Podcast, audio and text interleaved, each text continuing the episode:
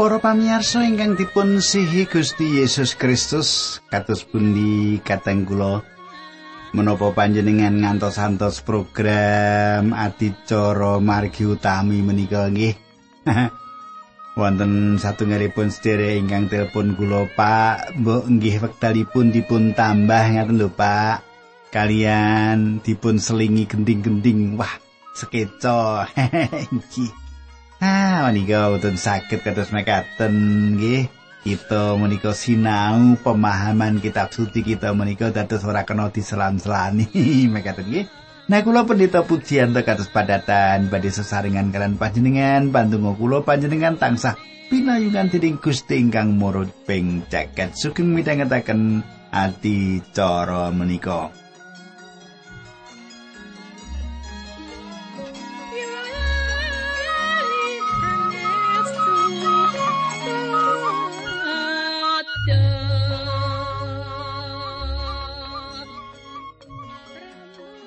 Para pamirsa menapa panjenengan tasih kemutan menapa ingkang kula aturaken untuk nalika kepengker menika mesti dipun panjenengan tasih kemutan nggih.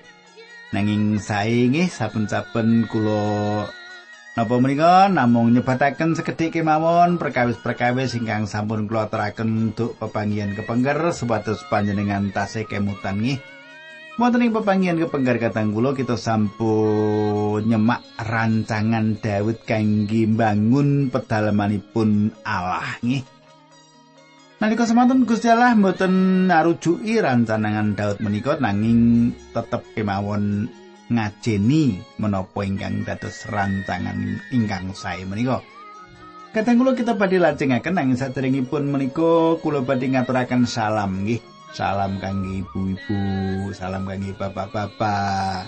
Sederek-sederek ingkang sampun nyerati kula inggih menika dumateng Ibu Satini. Ibu Satini menika saking Karanganyar nggih, dusun Karanganyar nggih. Karang niku watu anyar, nggih anyar niku yo anyar dadi watu anyar. Ngaten nggih. Nah katang lo dusun Karanganyar Ibu Satini. Kados pundi Ibu Satini menapa panjenengan sesarengan kalian kula? Mugi-mugi sesarengan kalian kita kadang kula lan monggo kita tumungkul kita ndedonga. Kadang Rama ingkang kawula sambat sebuti wonten ing asmanipun Gusti kawula Yesus Kristus. Kawula ngaturaken kuing panuwun menawi wekdal menika kawula saged tetunggilan kalian sedherek kawula lan sareng-sareng ngunjuk toyo kasuwargan sesarengan. Memahami menapa ingkang paduka kesaken paduka jebati kawula sepatus menapa ingkang kawula tampi lan kula aturaken menika mboten nalingsir saking karsa paduka. Dinambaran asmanipun Gusti kawula Yesus Kristus kawula tetunggal haleluya amin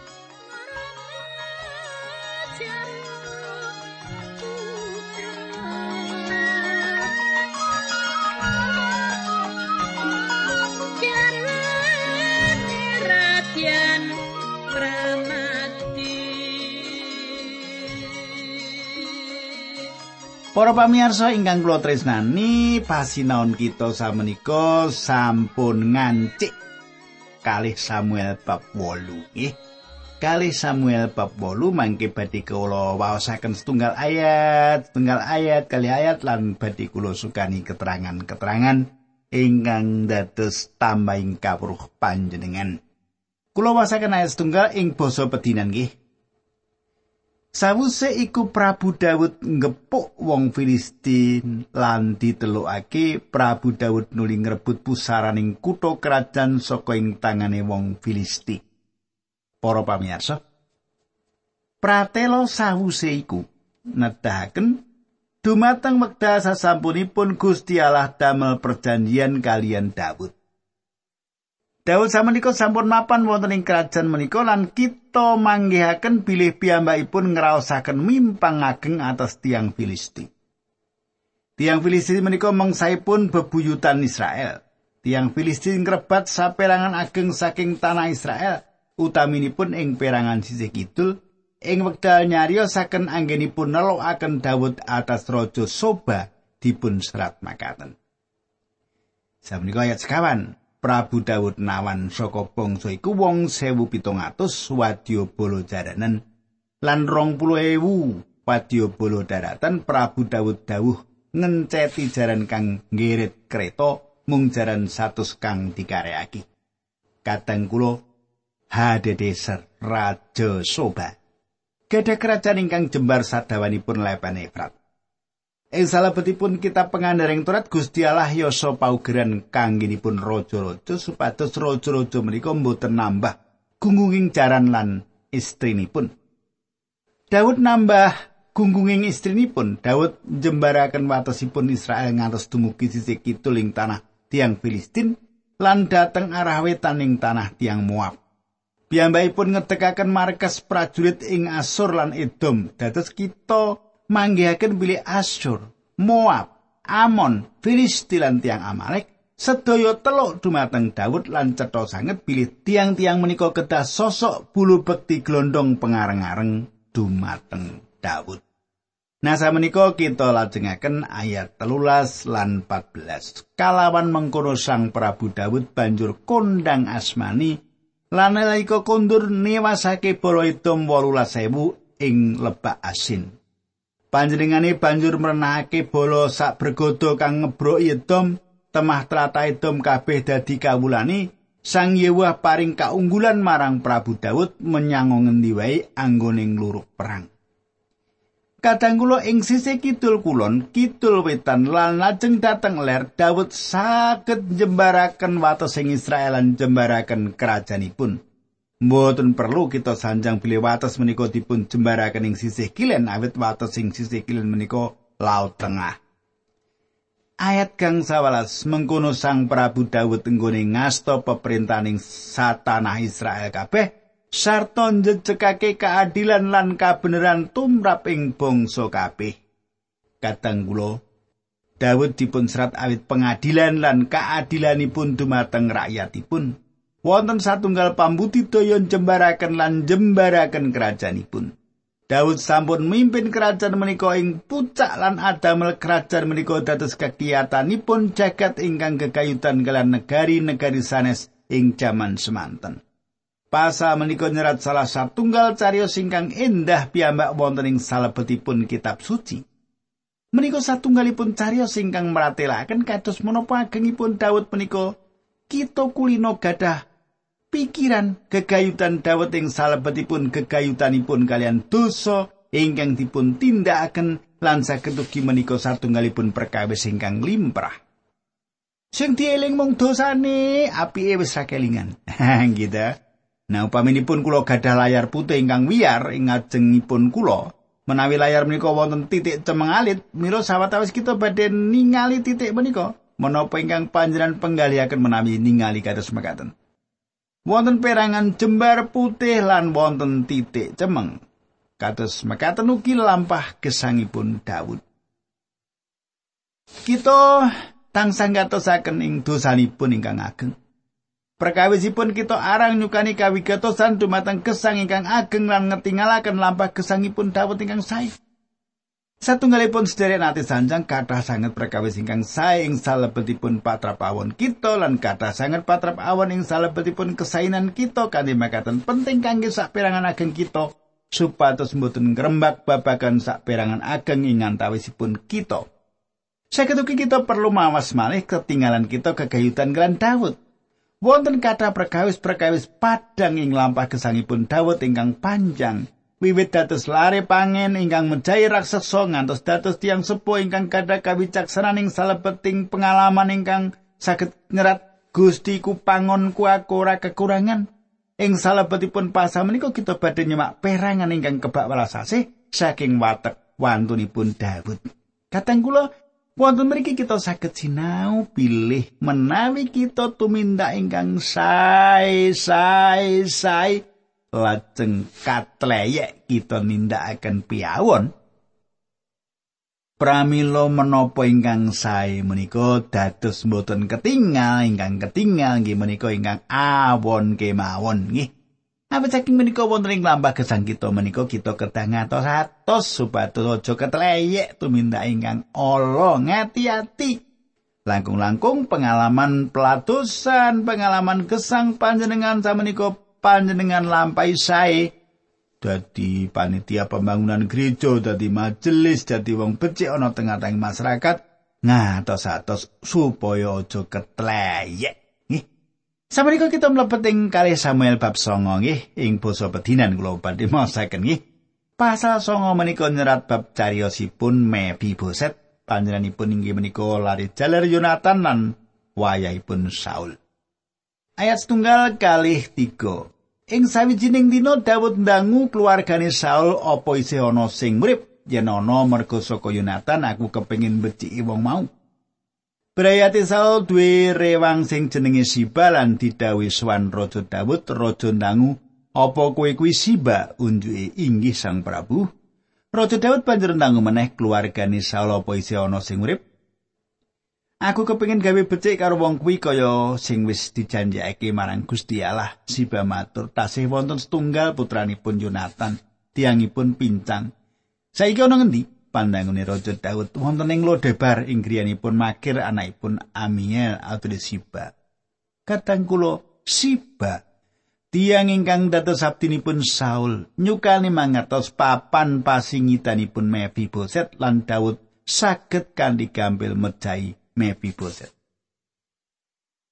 Kula lajengaken ayat gangsal 6 kali Samuel songo. Raja Daud banjur utusan nimbali putrane Yonatan mau. Anak Yonatan kuwi jenenge Mefiboset. Nalika dhewe teka banjur sujud ngurmati Raja Daud, Raja Daud banjur ngendika Mefiboset, ature Mefiboset nuwun Sang Prabu. Kadang kula ing wekdal Mefiboset dipun beto ing ngajengipun Daud piyambakipun nyembah Daud. Piyambakipun nyembah Daud rumaos badhe dipun patrapi paukuman pecah. Koso wangsulipun Daud rembakan saya-saya kalian piyambakipun. Ayat pitu ngandikane Sang Prabu ojo di. Mergo saka Yonatan aku bakal meci kowe palemane Saul yangmu bakal ndak balekake marang kowe lan selawase kowe bakal mangan bebarengan karo aku. Kadang kula Dawet inggal-inggal ngremenaken manahipun lan nyukani pangandikan kenging menapa piyambakipun ngundang kalian Mephiboset. Dawud mulihaken hak warisipun dumateng Mephiboset lan nyukani papan ingkang tentu inggih menika ing meja raja kangge ngurmati piyambakipun dipun angkat dados salah satunggal lare jaleripun. Ayat 8. Sang Mephiboset banjur sujud lan matur abdi dalem menika punapa to? Dene panjenengan dalem kersa nggalih dhateng segawen pecah kados dene kawula menika para pamirsa. Panjenengan gatosaken tanggapan Mebi Boset dumateng sedaya kesaenan menika. Saupamiya ing mriku wonten raja sanes sing damparing keprabun. Sampun tentu piyambakipun dipun pejahi, sampun tentu cariyosipun badhe seji, Ngrumaosi kegayutan perkawis menika Mephiboset nganggep badanipun kados dene segawon pecah nanging Daud mboten mestani kados makaten menika. Kula lajengaken ayat 9 lan 10. Raja Daud banjur nimbali Seba, rewange Saul mau sarta dingendikani warisane Saul lan warisane Brayati kabeh ndak wenehake marang Mephiboset wayahe bendara miki. Kowe lan anak-anakmu sarta para abdi kudu nggarap palemane kuwi kanggo brayati bendaramu dene pametune aturno kanggo nyukupi kabutuhane dari nanging Mephiboset bakal mangan bebarengan karo aku. Siba duwe anak lanang 15 lan batur 20. Para pamirsa, menika satunggalipun keluarga ageng. Dados bondo donya lan tanah kagunganipun Saul dipun warisaken dumateng Mephiboset. Tanah-tanah menika panci dados hakipun lan Daud ndawuhaken supados menika saged dipun laksanakaken. Ayat 11 ngantos 13 aturi Siba marang Daud sedaya dawuh panjenengan badhe kula tindakaken. Dadine Mephiboset mangan ana ing kraton kaya dene putrane Raja Daud dhewe. Mephiboset duwe anak jenenge Mika. Brayati Siba kabeh dadi bature Mephiboset. Kanthi mengkono Mephiboset sing cacat sikile loro pisan kuwi manggon ing Yerusalem lan tansah mangan ana ing kraton. Para pamirsa menapa ingkang dipun tindakaken Daud kangge Mephiboset inggih menika patrap ingkang indah nanging sawetawis fucaran kayektosan kasuk manageng ingkang gores manah ingkang kula gadah pengajeng-ajeng supados panjenengan boten nyupekaken ingkang ongkos tunggal panjenengan katosaken nggih wonten bab-bab ingkang indah ingkang saged kita sinau lan boten saged kita supekaken mangkatan kemawon. Monggo setunggal tiang ingkang dados putra Allah emut bilih piyambakipun pincang ing ngarsanipun Gusti Allah.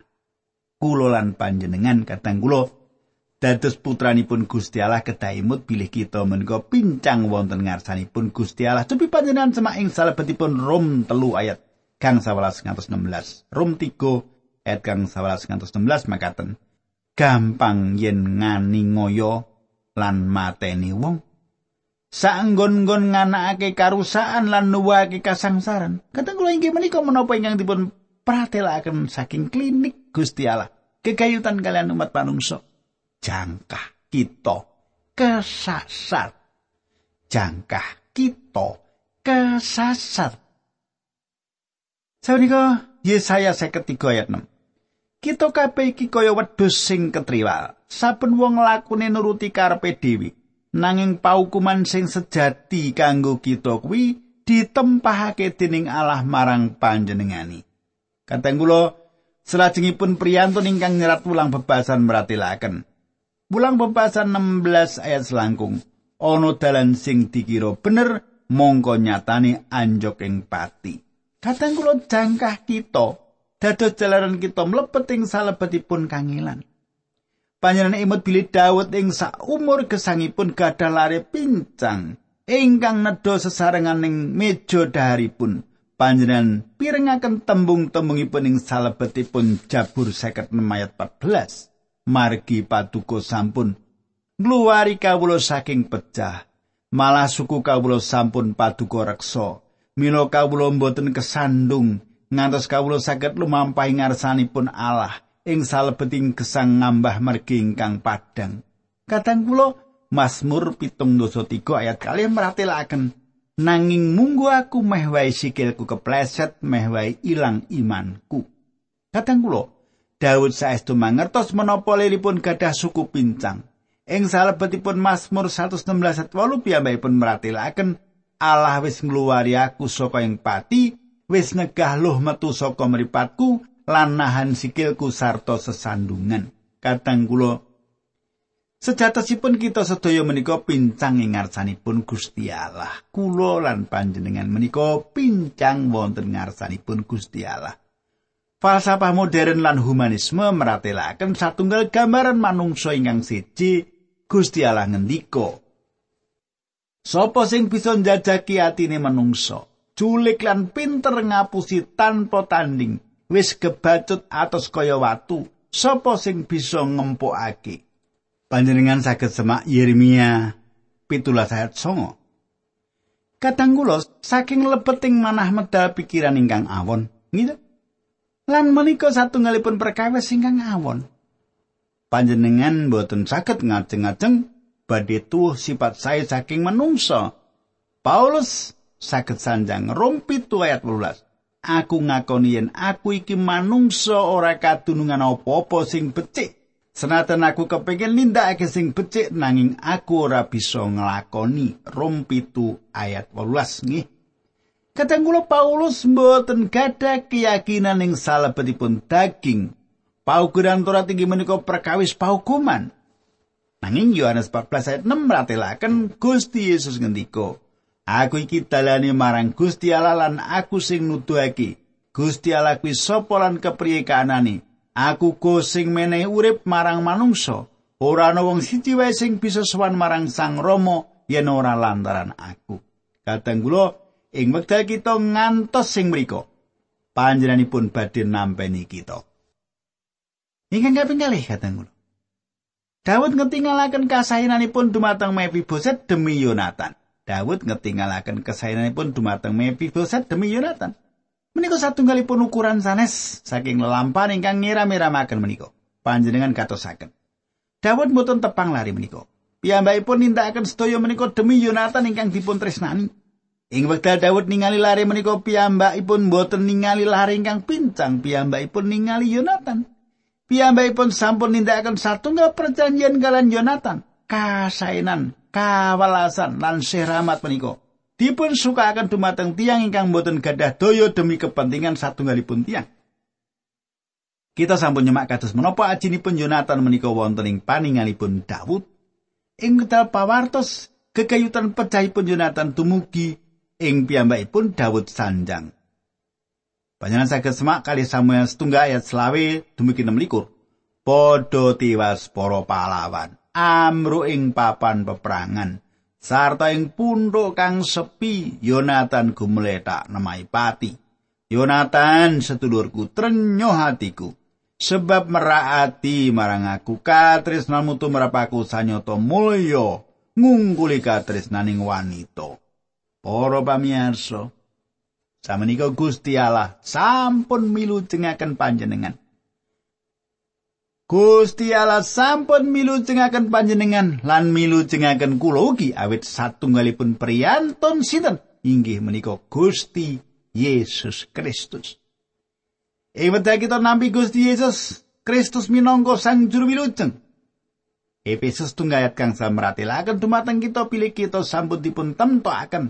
Saking wiwitan lumantar Gusti Yesus Kristus supados dados putra-putra kagunganipun. Selaras kalian karilan karsaning panjenenganipun.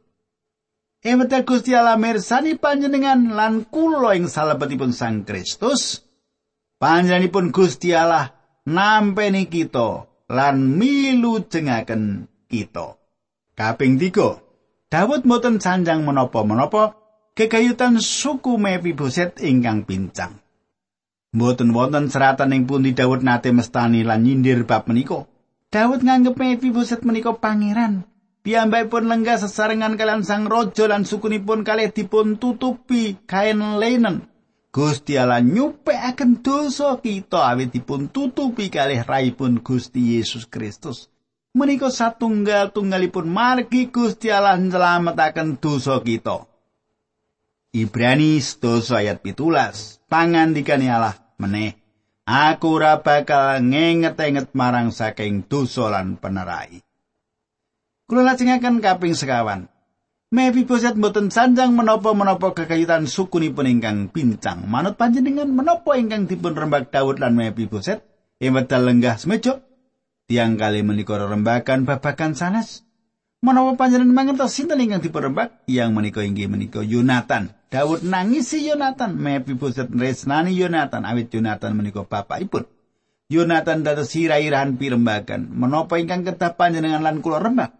Saperangan tiang kersen ingkang remen ngrembak jaman ingkang sampun kapengkeripun ing wekdal gesangipun tasih wonten ing salebetipun dosa. Gusti Yesus Kristus kentaipun dados pokok utami saking pirambakan kita. Aja ngrembug liya-liya. ngrembug tanggane aja, eleke tanggane aja. Duwe becik ngrembug kabecikane Gusti Yesus kanggo menungso. Eh. Nah kaping kang sa. Ingkang sanes mboten ngrembak suku Mephiboset ingkang pincang. kathah tiyang ingkang nderek nedha sesarengan kalian sang raja. Tiang-tiang menika mirengaken menapa ingkang dipun ngendikaken sang raja. Tiang-tiang menika mirengaken dawuh anggenipun ngalembono Mephiboset. Manahipun nangis silare menika panjenengan semak katresnan. Katresnan kuwi nggih menika katresnan kuwi ora tau nyemplahake lan percaya marang kebencian.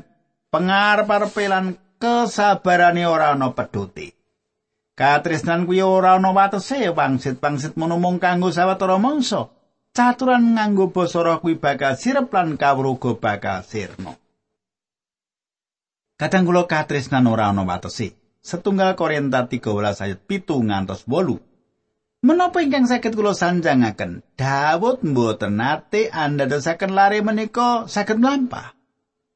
Menawi panjenengan tingali bile panjenengan boten saged gesang dados keparengipun Allah. Panjenengan sowan dumateng Gusti Yesus Kristus. Menawi gesang panjenengan ora dadi keparengi Gusti Allah, sowan dumateng Gusti Yesus Kristus.